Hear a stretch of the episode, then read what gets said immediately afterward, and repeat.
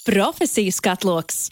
Labrīt, labdien, labvakar tev, lai arī kurā brīdī tu klausītos šo profesijas skatlogu. Es esmu Toms Putniņš, un šodien saruna ar, es atļaušos teikt, vienu no mistiskākajām un slepenākajām profesijām, kāda es spēju iztēloties.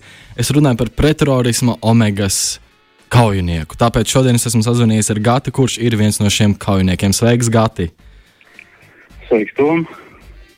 Kaujinieks vienībā Omega ļoti reti, kad mēs par tiem dzirdam. Parasti tas ir ziņās, bet es pieņemu, ka darbs ir katru dienu. Tāpēc sākotnēji, ko dara, kāda izskatās ikdiena Omegas kaujiniekam? E, pamatā ikdiena sastāv no treniņiem. Tie ir vairāki treniņi dienā, protams, arī pusdienu pārtraukums. Un tā apmēram izskatās uh, kaujinieku ikdiena. Tātad... Uh, ja mēs skatāmies, ja mēs teiksim, skatāmies pēc tā uh, treniņa un nodarbību apjoma, tad mums ir ļoti līdzīgi kā profesionāliem sportistiem. Tie ir divi, trīs treniņi dienā, katru dienu. Vienīgi atšķirība ir tāda, ka mums nav tāda starpsezona, ja mums ir jābūt 365 dienas gadā, mums ir jābūt kā, taktiskā, fiziskā un arī psiholoģiski labā formā. Tātad, principā, tā būtiskākā lieta ir treniņi, bet ir tā redzamā lieta parasti ziņās, ka omegas kaujinieki ir kaut kādā īpašumā ielauzušies. Kā notiek tā, varētu teikt, organizēšanās uz kaut ko tādu? Jūs saņemat uh, ziņu, ka tad būs jādodas tur, kā tas process notiek.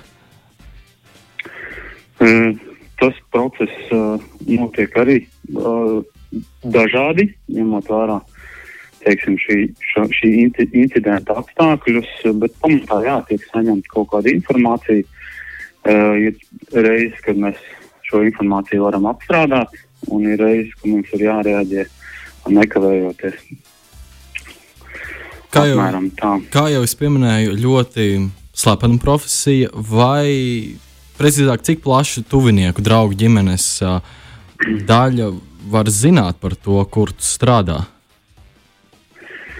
No laulātā dzīves drauga, protams, pašu faktu ir grūti noslēgt, bet, protams, neieslīgstot nekādās mm sīkākās detaļās. Taču priekš pārējās ģimenes un draugiem tas uh, ir, tā ir informācija, darbs uh, iekšlietu ministrijā vai darbs valsts policijā. Tātad tas aizsaks ir, ka strādājat iekšlietu ministrijā. Jā, jā, jā. Jā, jo es gatavojoties šai sarunai, pie sevis nedomāju, nu, diez vai šī ir profesija, ar kuru var iesaļot bārā un teikt, hei, es esmu omega darbinieks. Uh, viennozīmīgi nē, viennozīmīgi nē. Par prasmēm arī daudz ir lasīts, ka ir jābūt um, ļoti lielai fiziskai sagatavotībai, arī mentālajai. Kādām prasmēm vēl ir jāpiemīt, lai kļūtu par kaujinieku? Uh, šeit uh, mēs īsti nev, nevaram runāt par prasmēm. Mēs tās uh, vairāk tā, skatāmies uh, kandidātiem, teiksim, viņu īpašības, teiksim, un, un, un fiziskās un prāta spējas. Prasmes, prasmes tas nāks pēc tam, ja kandidāts attiecīgi iztur šo kandidātu atlasi, tad prasmes jau mēs paši ieliekam viņam kaujinieku pamata apmācības kursā. Es... Pamatā mēs atlases posmā skatāmies uz cilvēku teiksim, fiziskām un īpašībām, prāta spējām un, un personības īpašībām. Es no viena raksta izvilku rinkopu, ka tur ir rakstīts, ka ir jābūt labai fiziskai sagatavotībai un psiholoģiskajai noturībai. Kas Omegas darbiniekam skaitās laba fiziskā sagatavotība?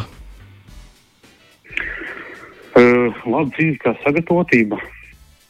Uh, šeit ciparos es noteikti neieslīgšu, bet tie nav kaut kādi olimpiskie, teiksim, olimpiskie rādītāji. Viennozīmīgi nē.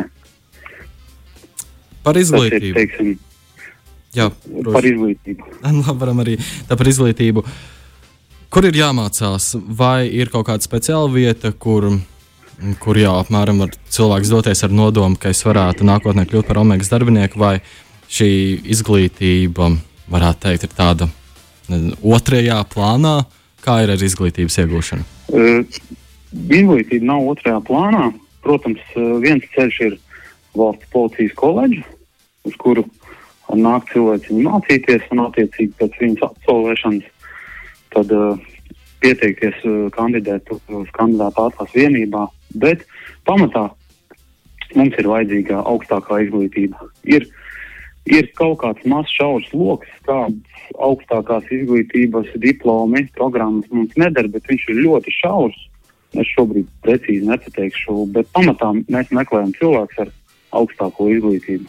Kā notiek šī kandidāta atlase pēc tam? Kandidāta atlase notiek sākumā. Kandidāti uh, iet cauri psiholoģiskai testēšanai, attiecīgi veiksmīgi nokārtojot psiholoģiskos testus. Viņiem ir medicīniskā pārbauda, un, ja arī medicīniskā pārbaude ir veiksmīga, uh, persona ir vesela, tad viņi tiek uzaicināti uz, uz dažu dienu, teiksim tā, uh, kandidātu atlasi, kur tiek testēts viņu prāta spējas, fiziskās dotības, uh, noturība morālā.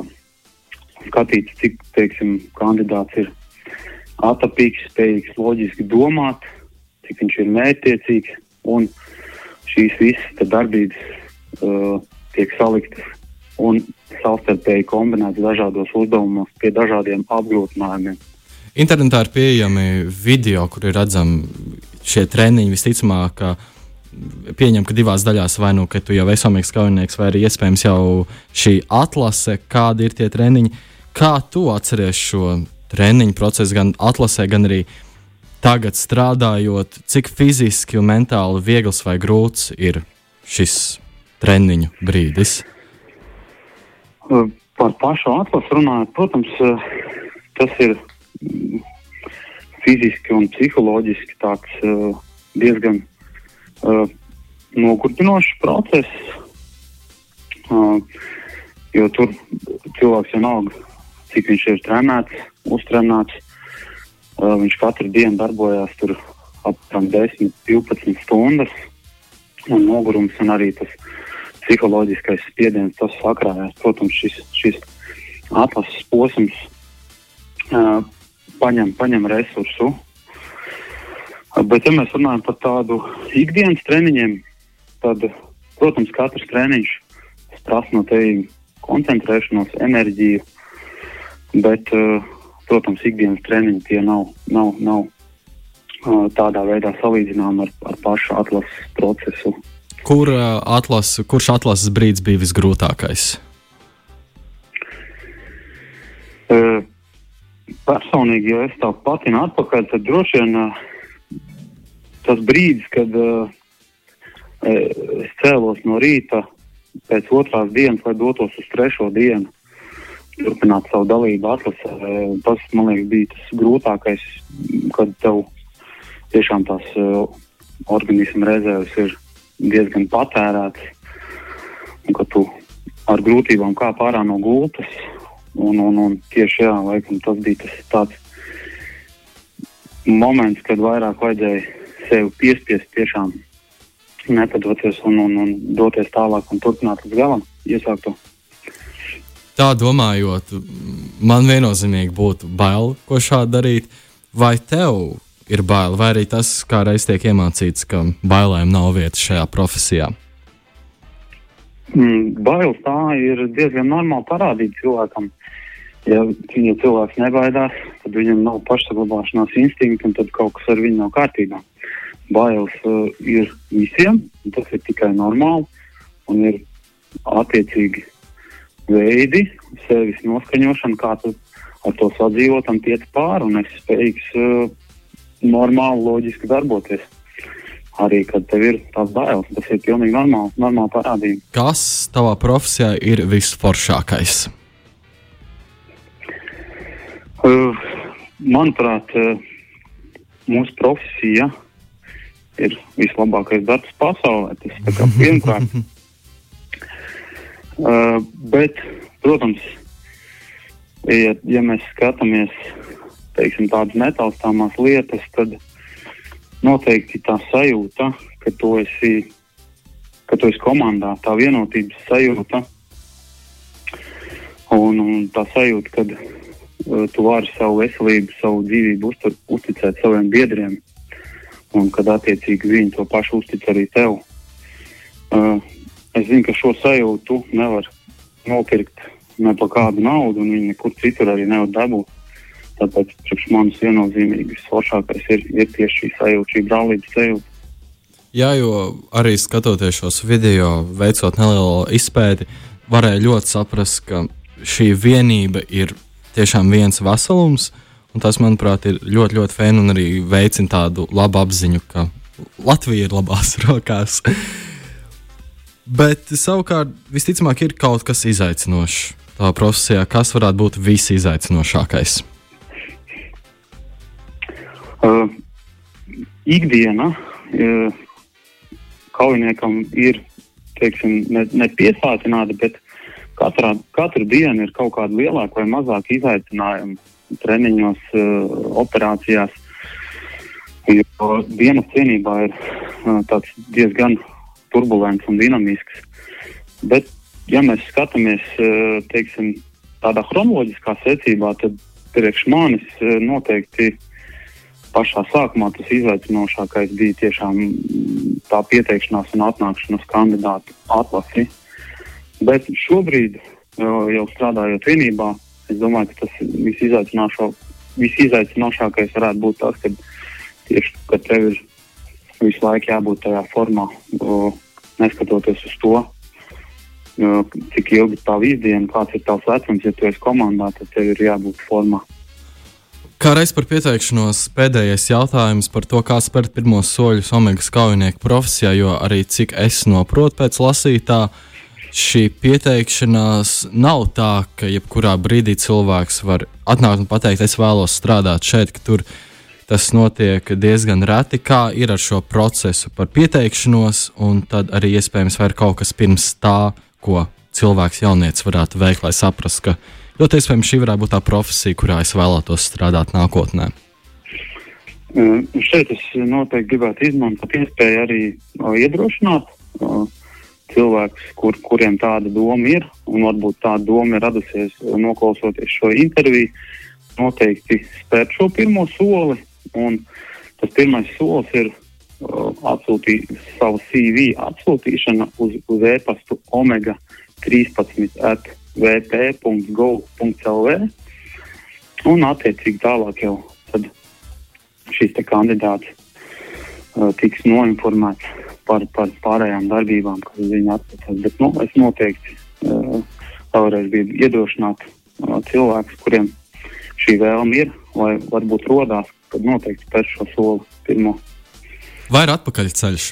Ja nonāk uh, cilvēks atlasē, vai ir atpakaļceļš, ka var izstāties? Protams, izstāties var jebkurā brīdī. Mm, cilvēkam par to nekas nebūs. Tādi gadījumi ir, viņi ir bieži. Attiecīgi šim kandidātam tiek uzslists pa plecu, izrādīts cieņa no mūsu puses tikai par to, ka viņš ir, kad viņš ir mēģinājis, ka viņš ir izaicinājis sevi. Un, tur arī mūsu ceļi tā teikt šķirās. Mēs atrodamies kā kā draugi, kur varbūt nekad vairs nesaskriesies. Tātad omega 13 atvp.gov.lv ir tas e-pasts. ir tas e-pasts, kur ir jāsūta CV, ja tu vēlies uh, izmēģināt sev, noskaidrot, vai varētu sanākt. Tieši tā. Super! Paldies tev šodien par šo sarunu. Profesijas katloks!